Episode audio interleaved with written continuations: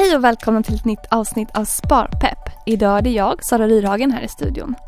Nu är vintern över, våren är på väg och man kanske känner sig redo för sommaren. Man längtar kanske efter semester eller så är man mitt uppe i att planera den. Idag i Sparpepp ska vi prata om reseekonomi. Vad ska man tänka på när man planerar en resa, men också när man väl är iväg? Vi ska försöka reda ut hur man kan tänka för att inte tömma sparkontot på sina resor.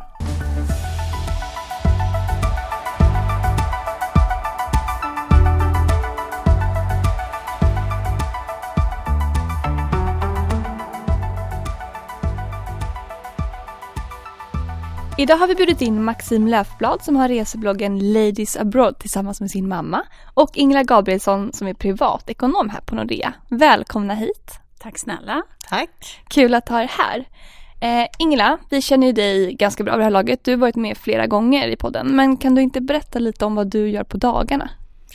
Ja, det handlar ju väldigt mycket om att jag eh, förmedlar privatekonomiska råd och tips och analyser på privatekonomiska förändringar i olika kanaler. Dels har jag ju en egen blogg på nordea.se och sen är det, kan det vara via Twitter och Facebook eh, och andra kanaler. Och sen har jag också en hel del kontakt med media där jag svarar på frågor just om privatekonomi och kan kommentera boräntor, sparande, pensioner och så vidare. Eh, så att min förhoppning är att ehm, kunder och andra som läser det här ska känna att de kan göra någonting för att förbättra sin privatekonomi. Mm. Det är mitt mål. Mm. Ja, men det låter som ett jättebra mål. eh, Maxim, vill du berätta lite mer om dig själv? Ja, Nej, men eh, Maxim heter jag, eh, är 27 år och eh, jobbar här på Nordea på en avdelning som heter Group Functions Information and Reporting. Um, har varit på Nordea i cirka fyra år nu. Um, driver eh, resebloggen Ladies Abroad tillsammans med min mamma. Uh, som vi har haft nu, nu i ungefär åtta år. Uh, och på sidan om där, lite emellan det här, så är jag också student nu för tiden. Eh, förra hösten så bestämde jag att jag ska följa mina drömmar så nu pluggar jag faktiskt på polisutbildningen. Så det är en salig mix mellan resande, pluggande och även här på Nordea. Ja, verkligen en härlig blandning. Ja. Hur känns det att gå tillbaka till skolbänken? Eh, nej men det är väldigt annorlunda att plugga någonting som man verkligen brinner för. Mm. Eh, och även att plugga mer praktiskt mm. än vad jag har gjort på universitetet eh, innan. Så det är verkligen nytt. Mm. Spännande. Ja. ja. verkligen. Men nu kommer det sig att du och din mamma startade den här resebloggen tillsammans. Mm. Nej, men min mamma och jag, vi har eh, rest väldigt mycket tillsammans ända sedan min barndom. Um, gjort mycket resor tillsammans och när bloggandet började ta fart för ungefär en 8-10 år sedan här i Sverige um, så slog idén mig att varför ska inte vi dela med oss av våra tips och våra bilder, för min mamma gillar att fota mycket. Um, ska inte vi starta en blogg? och i samband med det då så gick det en eh, brittisk serie på tv som heter En Idiot Abroad med Carl Pilkington. Mm. Eh, så då dök det också upp ett namn, vilket gjorde att jag kände att nej men ska vi inte köra? Så då gör vi det. Så konceptet är helt enkelt att eh, hon och jag bloggar tillsammans. Eh, dels våra resor men också de resor vi gör var för oss. Mm. Eh, där vi försöker tipsa så mycket som möjligt om hur man tar sig från en destination till en annan. Vad ska man tänka på med lokalbuss och hur mycket kostar det och liksom lite sådana saker. Lite praktiska tips som ja. man kan ha med sig på resan vid olika ja, men destinationer. Precis. Ja, mm. för vi har använt oss mycket av olika reseforum eh, eller diskussionsforum på nätet, vilket vi har tyckt varit jättebra, där man frågar andra turister som också har rest tidigare. Så då vill vi ha en egen plattform där vi kan dela med oss. Mm. Ja, det låter jätte, som ja. en jättebra och kul idé att göra tillsammans också. Ja, verkligen. Vi tycker det. Mm. Kul. Men visste ni att 58 procent av svenska folket reser utomlands minst en gång per år? Oj. Det är ändå mm. ganska många som, mm. som många. reser. Men och det, som, mm. mm. det är väl något vi gärna berättar om också. Man får ju alltid upplevelser när man varit på en resa. Så mm. man mm. hör ju mycket när kompisar som varit ute och rest. Precis. Men hur mycket reser ni? Jo, men det blir ju ett par resor varje år. Dels så reser man ju till landet och kanske lite annat inom, inom Sverige, men också utomlands brukar det bli. Så att det blir ju en del. Ja, och vi då, vi, vi reser en hel del. Mm. Eh, så blir det ju. Jag tittade lite i min kalender från förra året och det är en god blandning. Eh, både liksom sommarhalvåret och vårhalvåret försöker vi få till några weekendresor och även till landet och eftersom att både min mamma och jag är från Oslo så har ju vi våra familjer där vilket gör att vi försöker resa dit så ofta vi kan. Mm. Eh, och i och med att vi har den här passionen med att resa och upptäcka världen och även upptäcka Sverige och Norden så blir det en hel del.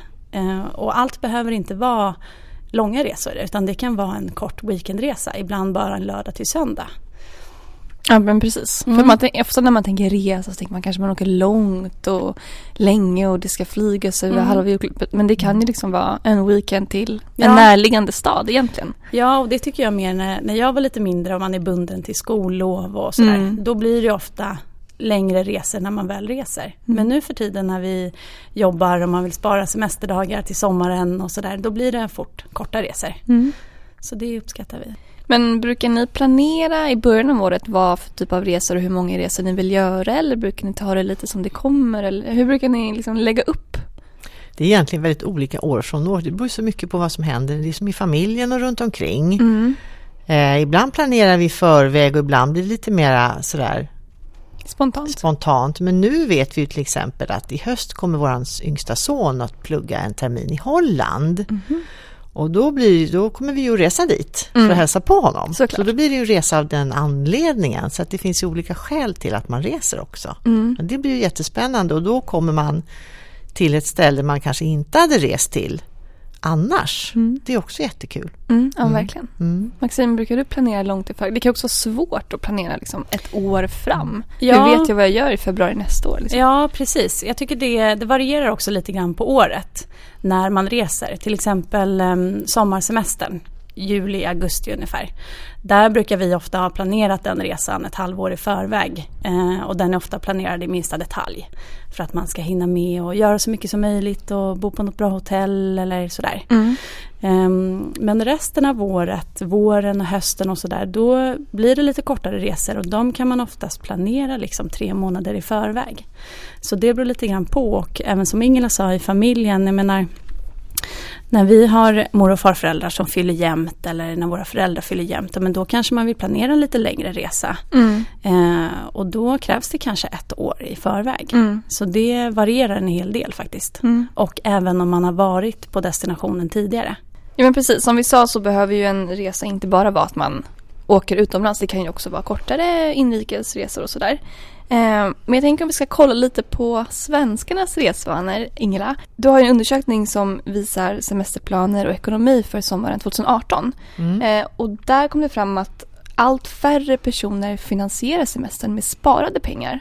Vad innebär det för svenskarnas ekonomi? Ja men det är väldigt intressant tycker jag för att jag gör den där undersökningen varje år och Mm. då kan vi ju se att eh, för tredje året i rad så minskar andelen som tänker använda sig av sparade pengar för att finansiera sin semester.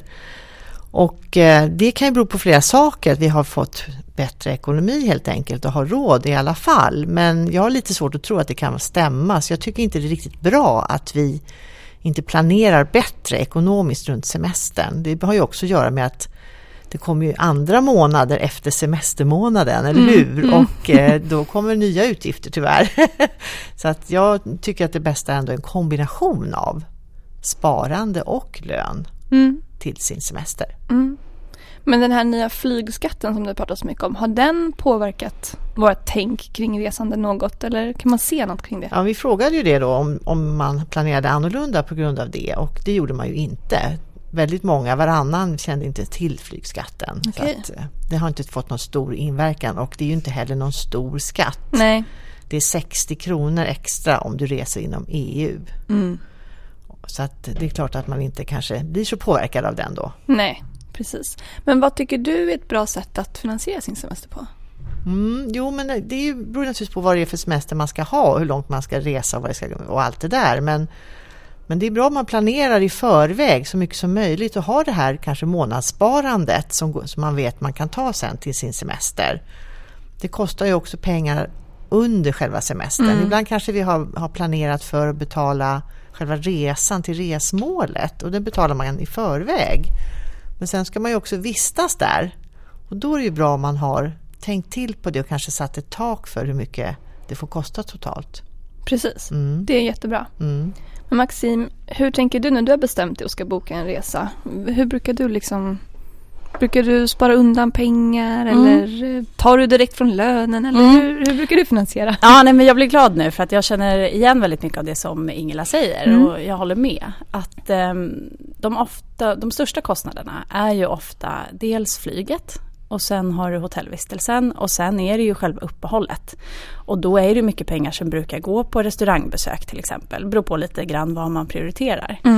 Ehm, och där kan man ju vara lite smart att eh, dela upp de här tre stora kostnaderna. Så att man börjar då med själva flygbiljetten.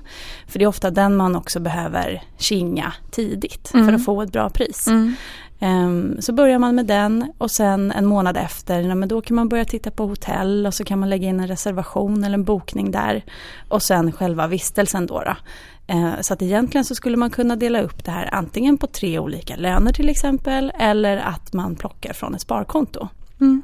Eh, Och så som jag brukar göra när jag tänker på mitt eh, mönster vad gäller liksom sparande och resande och sådär. Då gör jag så att jag sparar en klumpsumma pengar varje månad från min lön så att jag har ett sparkonto. Eh, och då blir det ofta så att flygbiljetten och hotellvistelsen eh, det finansieras med sparkontot helt enkelt. Mm. Och sen så brukar själva vistelsen komma från lönekontot. Mm. Ehm, och det, jag tror att det finns en liten medvetenhet kring det där. Och det är också det att, jag menar, det är klart att vi vill unna oss när vi är på semester. Men heller inte för mycket. Och Mm. om de pengarna då kommer från lönekontot så kanske man inte slår i taket på samma sätt. Ehm, så att så brukar jag dela upp det lite grann. Mm. Ja men det låter som ett bra tips. Men så du har inte ett speciellt sparande till resekonto till exempel utan du har ditt vanliga sparkonto som du Ja, tar av då? Mm. Precis, Mm. så att jag, jag har ett sparkonto som är lite generellt då, då. Sen så brukar ju de pengarna oftast gå till resor, för Mm. det är det jag prioriterar. Precis. Ehm, men eh, inget separat sparkonto för, för just resor på det sättet. Mm. Och det tror jag är lite så här, det är ju lite individuellt, men jag gillar känslan av frihet. Mm. Ehm, så skulle det vara så att jag vill unna mig någonting annat än en resa så vill jag inte kunna känna mig låst till att just det kontot var just för det ändamålet. Mm. Eh, Så det är lite individuellt skulle Ja. jag säga. Såklart. Eh, Vi har pratat lite om det i tidigare poddavsnitt men den här tjänsten som Nordea har som heter Extraspar är ganska smidig. För då kan man med lite olika val man gör men välja att varje gång jag betalar med mitt kort så dras det en viss summa pengar till ett konto. På så sätt kan man ju få upp en liten buffert eller en liten liksom specifik sparande för just till exempel eh, resa eller det här ska jag ha när Mm. jag faktiskt är borta på resan. Det här ska finansiera mina måltider till exempel. Så det är ett tips att man kan ha lite Även om man har ett, eh, tar för sitt vanliga konto så kan man Mm. ha en lite extra sparande liksom vid sidan. Ja, Eh, precis. som man kan också använda sig av. Men vi har pratat lite om det här men det finns ju olika delar av semestern. Du var inne på liksom flyg och transport och hotell och sen ska man ju faktiskt leva. Det är ju som ett vanligt, liksom, när man är hemma, man måste betala mat och, och aktiviteter och sådär. Ingela, hur brukar du tänka kring de här olika typerna av kostnaderna? Om du delar upp dem eller hur Mm, brukar precis.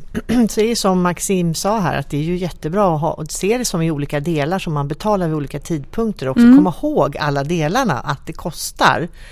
Och eh, det som jag brukar säga också det är just det här som jag sa tidigare med att man har ändå någon slags tak för en budget för hur mycket man har, råd att lägga. du? Mm. Till exempel på själva vistelsen då när man har klarat av de här transportkostnader, hotell och sånt. Mm. Och då är det också så här om man reser med barn så är det ju ofta så att de ser ju hela tiden grejer de vill köpa. Det är souvenirer och det är glassar och det finns så mycket kul. Mm. Och kanske kläder och prylar när de är lite större och så. Ett sätt att hantera det, det är ju att man ger dem en egen liten handkassa som ska vara under den här vistelsen och, så- och det, då får de själva bestämma vad det är de vill lägga de här pengarna på. Det behöver ju inte vara några stora belopp men det är ändå ett sätt att slippa de dagliga diskussionerna om att ska man köpa den grejen eller den grejen och sen imorgon dyker upp nya grejer de vill ha. Mm. Att det är ett sätt att liksom slippa diskutera det här med pengar hela tiden. Ja men verkligen, som en veckopeng fast resepeng. Exakt. Mm. Mm. Jättebra. Men jag kan ofta bli så här att om man har köpt flygbiljett till exempel och hotell för flera, flera månader sedan och sen när man väl kommer och ska åka iväg så säger man okej men jag har den här budgeten. Kanske för att lägga på mat och aktiviteter och om man vill shoppa någonting till exempel. Då kan man, jag kan lätt glömma bort att man faktiskt betalat så här många tusen kronor redan för flyg och mm. boende så blir det som att liksom, jag tänker gud vad billig den här resan var, den kostade ja. bara så här mycket men egentligen har den kostat dubbelt för jag har betalat någonting för så himla länge sedan. Mm. Hur ska man liksom, har ni några tips för att liksom inte hamna i det tänket? Att man faktiskt kommer ihåg att det är flera delar som jag har betalat för den här resan. Ja, det där är lite lurigt och det är ju jättelätt att hamna i det, mm. att man känner sig som man börjar från noll på mm, något sätt, eller vad man ska kalla det, mm. när man åker iväg. Men å andra sidan så, så kanske man gör det lite grann om man redan har klarat av de andra utgifterna och mm. ekonomin rullar på som den ska. Mm. Då är det ju så att man faktiskt har kan hantera nästa utgift också på ett bra sätt förmodligen. Så det är väl inte så farligt men det är väl bra att man kanske efter en resa ändå summerar totalbeloppet så att man vet det till en annan gång att det, det är faktiskt så här mycket det kostar totalt. Mm. man har klart för sig det. Mm. Och det tänker jag är bra för just det att man summerar efteråt det ingår ju också i planeringen för nästa resa. Då vet du att den här weekendresan till den här orten den ligger på så här mycket ungefär. Så då kan du ta det, kan ta höjd för det nästa gång. Så det är ingen dum grej. Ja men det är bra. Utvärdera mm. och sen använda det som måttstock för nästa resa. Kanske. Ja, precis. Maxim, du var inne lite på förut att du, när du väl är iväg på resan så tar du från ditt lönekonto. Dels mm. för kanske att inte äh, halka iväg på att liksom slå i taket på att göra massa lyxiga saker. Men mm. Ingela, hur brukar du tänka kring budget när du väl är iväg på någonting? Har du ett specifikt sparkonto för resa som du tar av eller tänker du lite som Maxim där? Jag använder nog sparkonto till den delen. Mm. Och det kan också vara så att jag gör det till andra, någon av de andra delarna också. Men, och det tycker jag har att göra med att man har andra utgifter också. Man har sina vanliga fasta kostnader även när man är borta på resa. Mm. Som man alltid har hemma. Och då är det liksom, tycker jag det är bra, då får lönen sköta de delarna. Och sen så får man då ta sparkontot, då får man se och summera när man kommer hem hur gick det här och gick det jättebra? Ja men då kanske jag kan sätta tillbaka lite pengar på sparkontot. Mm. Mm. När jag kommer hem direkt för att mm. se att liksom, för att just tänka på nästa resa. Ja, mm. ja men det är bra. Då mm. vet väl man kan göra på två olika sätt. Man får se lite vad som passar ja, en själv, ens ekonomi och hur man är som person. Mm. Men ett tips som jag har hört från ganska många och som jag själv har börjat göra är att när jag är utomlands till exempel så betalar jag alltid i lokal valuta när jag betalar med kortet. För på kortläsaren kan man ofta välja om jag vill betala i svenska kronor eller euro till exempel. Och det är för att man ska få bättre växlingskurs om man betalar i den lokala valutan. Är det någonting ni känner igen? Absolut, det ska man alltid göra. Mm. Ett annat tips är att man tänker på att man kanske har med sig två olika kort. Mm. Om det skulle bli problem med något kort eller om man skulle förlora det eller någonting händer så att man inte och hamnar lite emellan innan det har rätt ut sig. Mm. Så att man inte står utan. Det är ju jättebra mm. tips. Maxim, har du hört det med valutan? Ja, ja men jag eh, brukar ofta betala med kort och väljer alltid lokalvaluta och gör som Ingela säger då att jag har ett kort på hotellrummet ifall någonting skulle hända och sen så har jag ett med mig. Mm. Um, och sen just det där med lokalvaluta, när jag är på semester så brukar jag också sällan ta ut pengar på ett växlingskontor redan i Sverige utan jag gör det på flygplatsen eller i stan när jag landar då på nya orten och sen så plockar jag ut från bankomaten där helt enkelt. Okej, för det ger också bättre växlingskurs än att eller är det någon annan anledning? Som Nej men jag tycker det känns eh, smidigt. Mm. Sen så tror jag kanske, Ingela du vet om det är bättre växlingskurs utomlands eller om det är bättre här hemma i Sverige? Jag törs inte svara på det helt ärligt. Så det kan nog variera. Mm, men det, mm. det, handlar ju också om vad man tycker praktiskt. Ja precis. Mm. Man kanske känner sig lite olustig att liksom resa till flygplatsen med massa pengar i väskan mm. och så. Så då kanske det känns lite, lite ja. mer säkert att inte släpa runt på dem Precis. så mycket. Jag mm. tänker att de stora utgifterna man har, de tar man väl på kortet. Mm.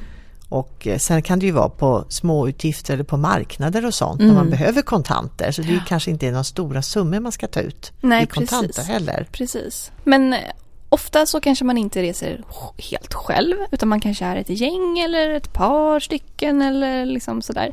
Men hur tänker ni att man ska dela upp det med kostnader kring liksom gemensamma utgifter, till exempel mat? Säg att man bor i en, en lägenhet och man lagar mycket mat hemma och äter frukost hemma sådär. Ska man splitta det 50-50 eller ska man dela upp det proportionellt? Och, för det kan vara jätteolika hur man är som person och vilken ekonomi man har även om man reser tillsammans. Mm. Hur brukar du lösa det Maxine? Nej men eh, på somrarna och sen eh, över nyår så brukar vi ofta åka iväg, iväg ett stort eh, kompisgäng. Mm. Om vi åker skidor eller är ute och seglar eller sådär. Och då är det ju ganska må- mycket inköp vad gäller just mat. Kanske man köper lite goda viner och sen är det också utgifter under resans väg. liksom. Precis. Och är man då flera personer så finns det faktiskt en hel del tjänster och appar som jag tycker har kommit nu senaste tiden. Som funkar jättesmidigt. Så det du gör då är att du, du fyller i namnet på alla de som är med på resan. Och sen så fyller man i de kostnaderna löpande då, då som man gör. Så vem betalar vad? Eh, och sen i slutet på resan så summerar då den här tjänsten eller den appen, summerar alla kostnader och sen ibland så listar de även då vem som ska betala vad till vem. Ehm, Så att det snarare blir en transaktion än att en person ska betala till flera personer. Så det är ju jättesmidigt. Eh, Och det gör också att ingenting faller mellan stolarna. Så att man bestämmer ganska tidigt att nej, men vi fyller i alla kostnader. Så att man inte behöver sitta där runt bordet och känna att nej, men nu har jag betalat lite mer än någon annan.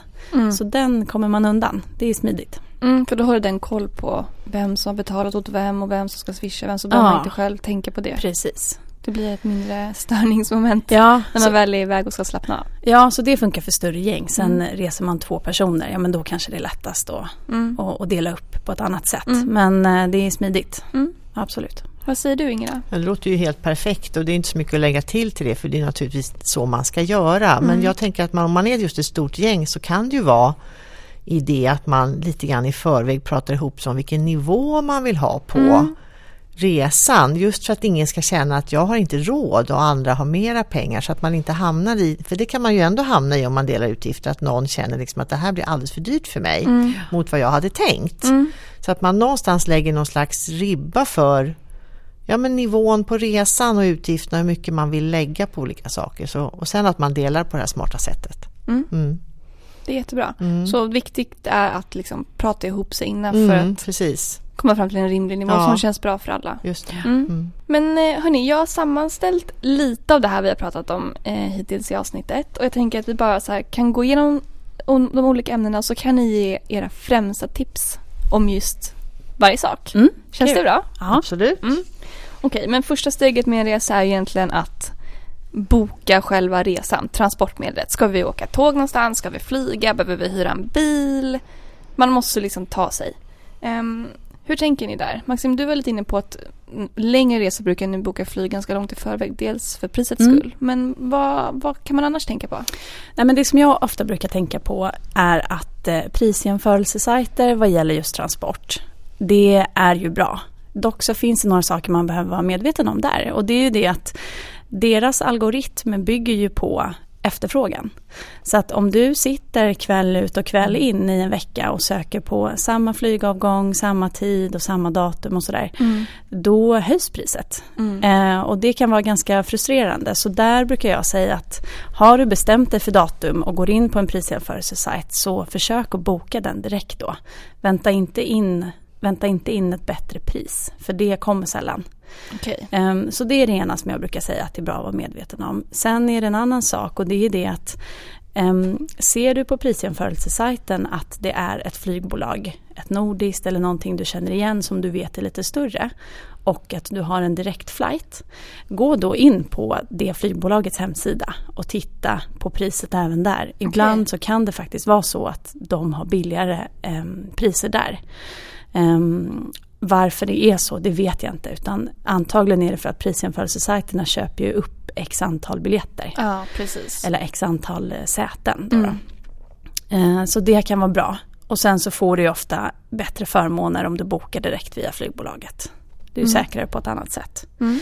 Eh, men så det brukar vi tänka på och sen även det med att eh, åker du inrikes i Sverige eller i Norden, i Skandinavien, ja, men se resan dit som en del av resmålet. Tåg är ganska härligt. Eh, reser man uppåt i Sverige så eh, ta med dig en härlig bok och liksom titta ut i fönstret. Skynda inte dit A till B utan njut av resan dit också skulle jag säga. Mm. För då förlänger man också själva resan i sig. Ja men precis, jag tycker det är härligt. Mm. Ingela, har du några tips kring det här? Mm, ja men det är ju jätte... Och jag har också lagt märke till det här som Maxim sa här om just om man letar söker och söker på samma resa, att priset Mm. höjs. Det har man ju märkt flera gånger. Det Ja. är otroligt irriterande. Man hoppas ju att det ska gå åt andra hållet, men Ja. det gör det ju inte. Så det är ju helt rätt att man måste slå till. Ja. Och att man kan boka långt i förväg då för att få ett bra pris. Men sen kan man ju som sagt tänka på vad är det för slags resa man vill göra och är det självklart med flyg? För det diskuterar vi ju mycket nu. Mm.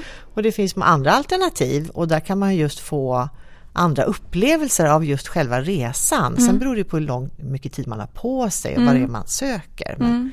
det finns många sätt att resa på. Ja men det är jättebra. Mm. Men det här med boende då, hur ska man tänka? Det finns ju flera olika alternativ. Hotell och lägenhetshotell och lägenheter och bed and breakfast. Hur brukar ni tänka kring det? Det beror på vilket resmål man har. Mm. Eh, Men jag skulle säga innan du börjar titta på hotell så läs på en del och lägg lite tid på det och läsa om vilka områden som finns i staden. Vilket typ av område vill du bo i? Vill du bo i turistmecka där du har kanske shopping precis runt hörnet och sevärdheter? Eller vill du kanske försöka bo lite mer i ett lokalt bostadsområde där du kanske har mer restauranger? Mm. Fundera på om du vill ha en nära promenad hem till hotellet en sen kväll. Eller om du kanske vill påbörja morgonen direkt med att eh, kicka igång sevärdheterna. Mm. Så det tycker jag man ska lägga lite tid på innan man bokar. Ehm, sen ett annat tips som jag brukar göra är att jag brukar reservera em, flera hotell faktiskt. Mhm. Eh, och det är ofta så att em, hotellsajter kan erbjuda två olika alternativ när man bokar. Antingen att man reserverar och betalar på hotellet när man checkar in. Eller att man betalar direkt när man bokar. Mm. Så är du ute i god tid, ja men reservera gärna ett hotell eller flera och sen kan du känna lite på vad man är mest sugen på. Sen kan det till och med vara så att det dyker upp någonting helt annat som gör att du vill boka av dina hotell. Ja Mm. men då har du den friheten. Ehm, så det brukar jag ofta göra. Mm. Jättebra. Vad säger du Ingela? Jag tycker att man kan också eh, kolla med, om man åker till en mera känd eh, turistort så finns det säkert andra som redan har varit där. Mm. Och då kan man höra lite grann med tips och var, var är det bra att bo och vad hade de för erfarenheter. Mm. Och sen naturligtvis kolla alternativ till hotell för det finns ju mycket idag. Mm. Och är man fler som reser kanske man kan gå, gå via Airbnb eller hyra någonting eller byta boende kan man ju också Just det, göra. det Det, finns sajter även för det. Mm.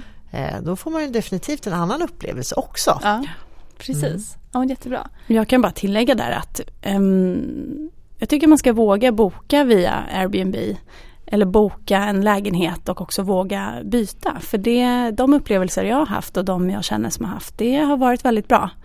Eh, och även om betalningen sker via antingen Paypal eller på vanligt sätt, ja men man ska inte vara rädd för det utan det, det fungerar bra. Mm. Och eh, det är härligt att bo i en lägenhet ibland om du reser en fyra personer tillsammans. Mm. Det blir en annan upplevelse att bo tillsammans än att bo på hotell. Ja, absolut. Jag har hyrt via Airbnb flera gånger. Det funkar jättebra. Och Mm. man får en helt annan känsla av orten eller staden eller platsen där man är när man liksom bor som en local. Men att man inte bor på ett stort hotellkomplex. Det gör det är också lite vad man vill ha för känsla av semestern. Ja. Just det, sen har vi det här med måltider. Man måste ju faktiskt äta även när man är på semester. Eh, tre mål mat om dagen brukar man säga. Och jag älskar verkligen mat och fika och god dryck så för mig kan det ganska ofta bli lite fler än tre mål mat om dagen. Men, ehm, men eh, hur, liksom, hur ska man tänka kring mat? Vad, hur vet man vad som är dyrt, billigt, Mm. bra kvalitet? Ska man laga själv? Hur tänker ni kring det? Jag tycker man kan bestämma sig för att man ska verkligen satsa på ett par riktigt fina middagar ute och eh, kanske läsa på och titta i guider och sånt för att få tips om det. Mm. Eh, Men man också kan hitta andra alternativ. Man kan picknicka och man kan äta hemma om man bor i lägenhet och prova olika sätt helt enkelt för att ändå hålla nere lite grann. För det blir väldigt dyrt om allting ska vara ute hela tiden så att man försöker hitta alternativen. Då får man också olika, olika typer av matupplevelser. Precis. Mm. Mm. Maxim, är det någonting ni brukar tipsa om på er blogg? Just kring måltider och så också? Ja men precis. Ehm, Jag bodde i New York för några år sedan. Mm. Eh, Och då blev jag tipsad av en av mina kompisar där att det finns faktiskt en app som heter Foursquare. Mm. Så fyrkant på svenska då. då. eh, och den appen är en restaurangapp där människor, precis så som du och jag, lägger in restauranger som man har varit på. Eh, man kan lägga upp bilder, inte bara på maten utan på själva omgivningen. Då får du ett hum om vad det är för typ av restaurang som Mm. du ska till. Om den är liten eller stor och mysig och har ett speciellt tema och sådär. Mm. Um, och den här appen då möjliggör att du kan söka på restauranger enligt eh, en viss genre, typ mm. asiatiskt eller burgare. Mm. Så kan du få upp en lista eller karta och du kan börja planera redan innan du åker. Mm. Och även när du är på plats såklart, mm. det är ju en sökfunktion. Mm. Eh, och det som jag tycker är fiffigt med det här är dels att du får ett betyg eh, som eh, jag tycker stämmer väldigt bra överens. Mm. Ibland på vissa andra sajter så kan det stå att en restaurang är helt fantastisk och sen när man väl kommer dit så känner man att nej men det här var inte alls så fantastiskt som mm. andra har skrivit. Mm. Eh, och sen även det att ehm, man kan gå in och skriva tips till exempel. Är du på den här italienska restaurangen så måste du beställa den här carbonaran för den ah. är magisk. Mm. Och det är också lite kul tycker jag att man, eh, man beställer det som restaurangen är just fantastisk på att mm. göra. Mm. Så Foursquare, den appen brukar jag alltid tipsa om, mm. använder mycket själv. Um, och sen, jag håller med Ingela där om att det är, det är klart att man ska unna sig en ett riktigt gott eh, restaurangbesök när man väl är iväg. Mm. Um, men där tror jag också lite grann att reser man mycket då kan man inte unna sig varje gång utan då blir det lite mer att man, man lever lite mer som en lokal. Mm.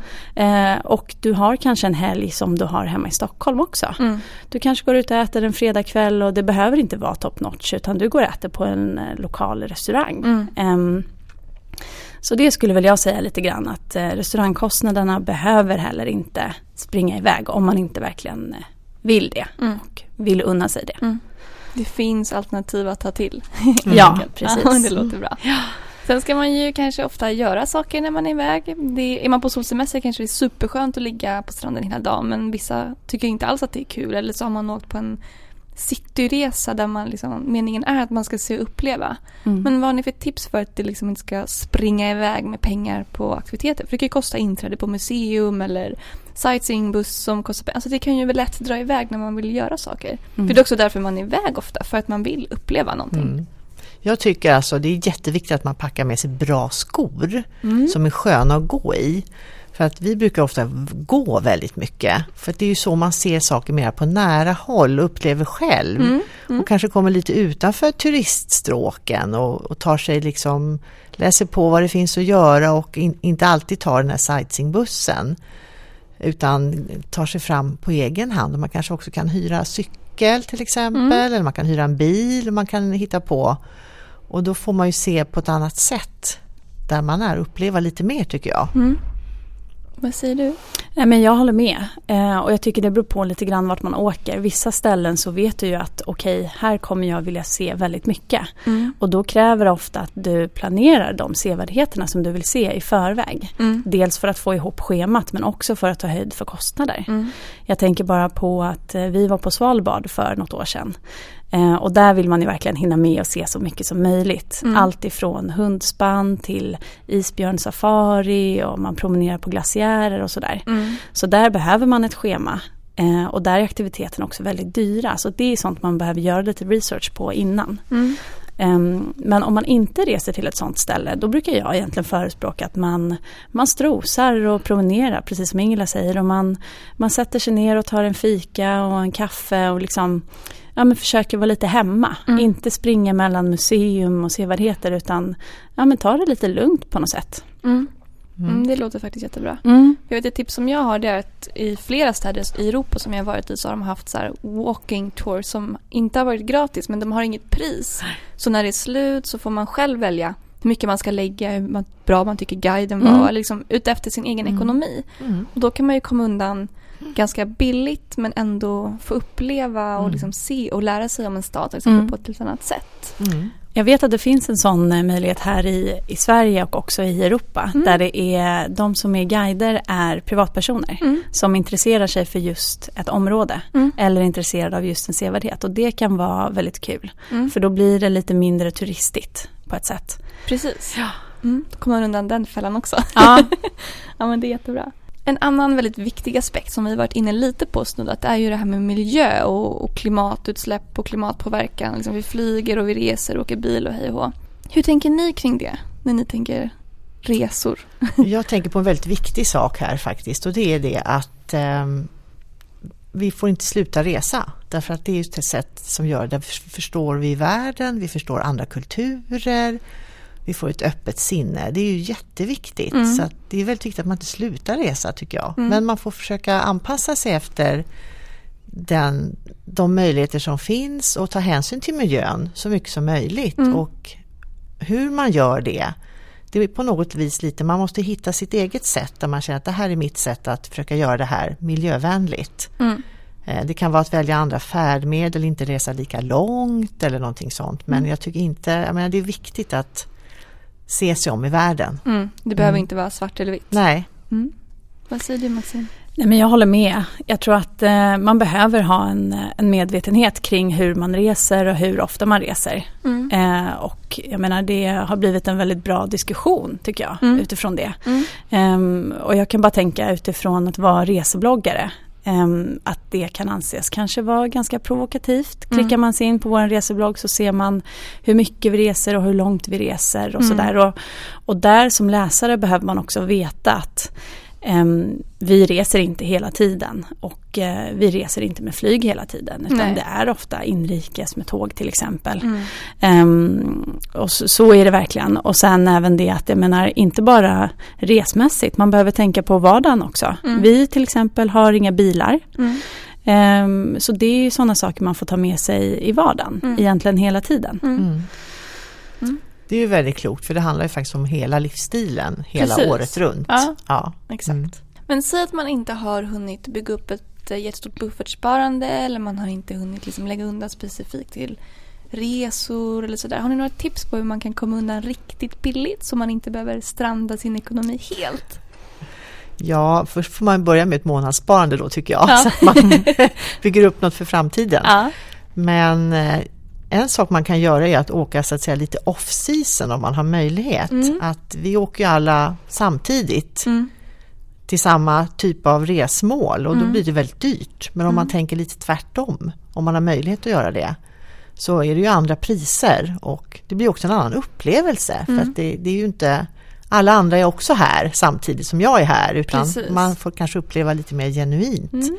dit man reser. Mm. Och man behöver inte resa så långt för att få omväxling. Det kan vara en jättekort resa. Mm. Mm. Maxim, har du några tips kring det? Ja, nej men jag håller med Ingla och jag tänker eh, om man väldigt gärna vill åka utomlands så är ju Baltikum tillsammans med Polen och Ryssland, där kommer det ju undan ganska billigt. Kanske inte vad gäller flygresor, men gällande hotellkostnad. Där kan du bo på ett ganska flott hotell för en mycket billigare peng. Mm. Eh, och även själva uppehållet. Mm. Ehm, Så det skulle jag säga om man gärna vill åka utomlands. Men även det här att, jag menar, eh, åk till länder som inte är med i EU. Montenegro till exempel, jag menar där är det mycket billigare än i Kroatien. Mm. Som ett exempel bara. Eh, Så våga göra det. Mm. Eh, Och inte bara åka till Paris och London och Barcelona utan prova lite mindre städer. För Mm. där ligger prisnivån oftast lägre. Mm. Precis som i Sverige, att det är dyrare i större städer.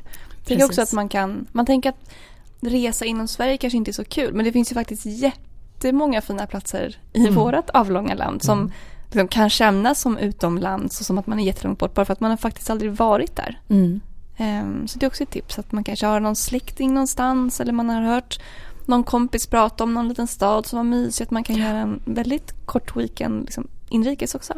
Jag menar har man möjligheten att låna en eh, husbil till exempel och bila runt på västkusten Mm. så kan du ju bocka av ganska många härliga små ställen Mm. eh, på sommaren. Så Mm. det, du kan komma undan. Mm. Jag tror om man är lite nyfiken så är det som, som ni säger att det finns ju jättemycket att upptäcka överallt. Och alla platser har en historia som man kan ta reda på och då kan det dyka upp väldigt spännande saker. Mm. Mm. Ja men det är jättebra. Men eh, om vi ska avrunda det här avsnittet, är det någonting som ni känner att ni verkligen vill skicka med lyssnarna eller som ett litet sista tips kring det här? Vad säger du Ingela? Ja, det är förstås utifrån min eh, utgångspunkt så är det ju viktigt att ha ett sparande hela tiden som fylls på. Och det behöver inte vara så mycket, men att det hela tiden tuffar och går Mm. som ett månadssparande. Det är ju liksom bästa grunden. Mm. Eh, och sen när man gör en resa att man verkligen att man njuter av den då. Och inte oroar sig för ekonomin utan bestämmer sig för att ja, men nu, gör vi, nu gör jag det här och eh, kopplar av. Det är ju jätteviktigt. Ja, Ja. jättebra tips Ja. verkligen. För det kanske är svårt att Ja, komma ihåg när man är där och man ska räkna och hålla koll på pengarna. Och så. stressar. Ja, nej. att verkligen njuta. Mm, mm. Mm. Maxine, vad säger du? Men jag skulle vilja tipsa om, lite som jag sa tidigare, att eh, våga inte åka till de här stora storstäderna som alla andra gör. Åk istället till någonting, till ett ställe där ingen har varit. Välj en lite mindre by i Frankrike eller åk till Azerbajdzjan, Färöarna kanske, inte boka Köpenhamn utan res runt lite i Danmark istället. Eh, och kom snarare hem med helt nya upplevelser där ingen annan har varit. För jag tycker att vi, vi reser mer och mer och vi reser mycket och jag menar de flesta man känner har varit på exakt samma ställen. Mm. Um, så våga resa lite utanför, våga vidga vyerna lite grann. Mm. Tänk utanför boxen. Ja, precis. ja, det låter jättebra. Ja. Tack så mycket båda två för att ni var med i Sparpepp och pratade om reseekonomi och hur vi kan tänka kring sparande och resor och allt därtill. Mm. Tack, tack snälla. Tack. tack. Tack allihopa för att ni har lyssnat på det här avsnittet av Sparpepp. På nordea.se kan man läsa mer om buffertsparande och månadssparande, så gå in där om ni vill veta mer om det. Om ni har förslag på teman eller gäster till podden så får ni jättegärna mejla oss det och då mejlar ni på sparpepp Vi hörs framöver!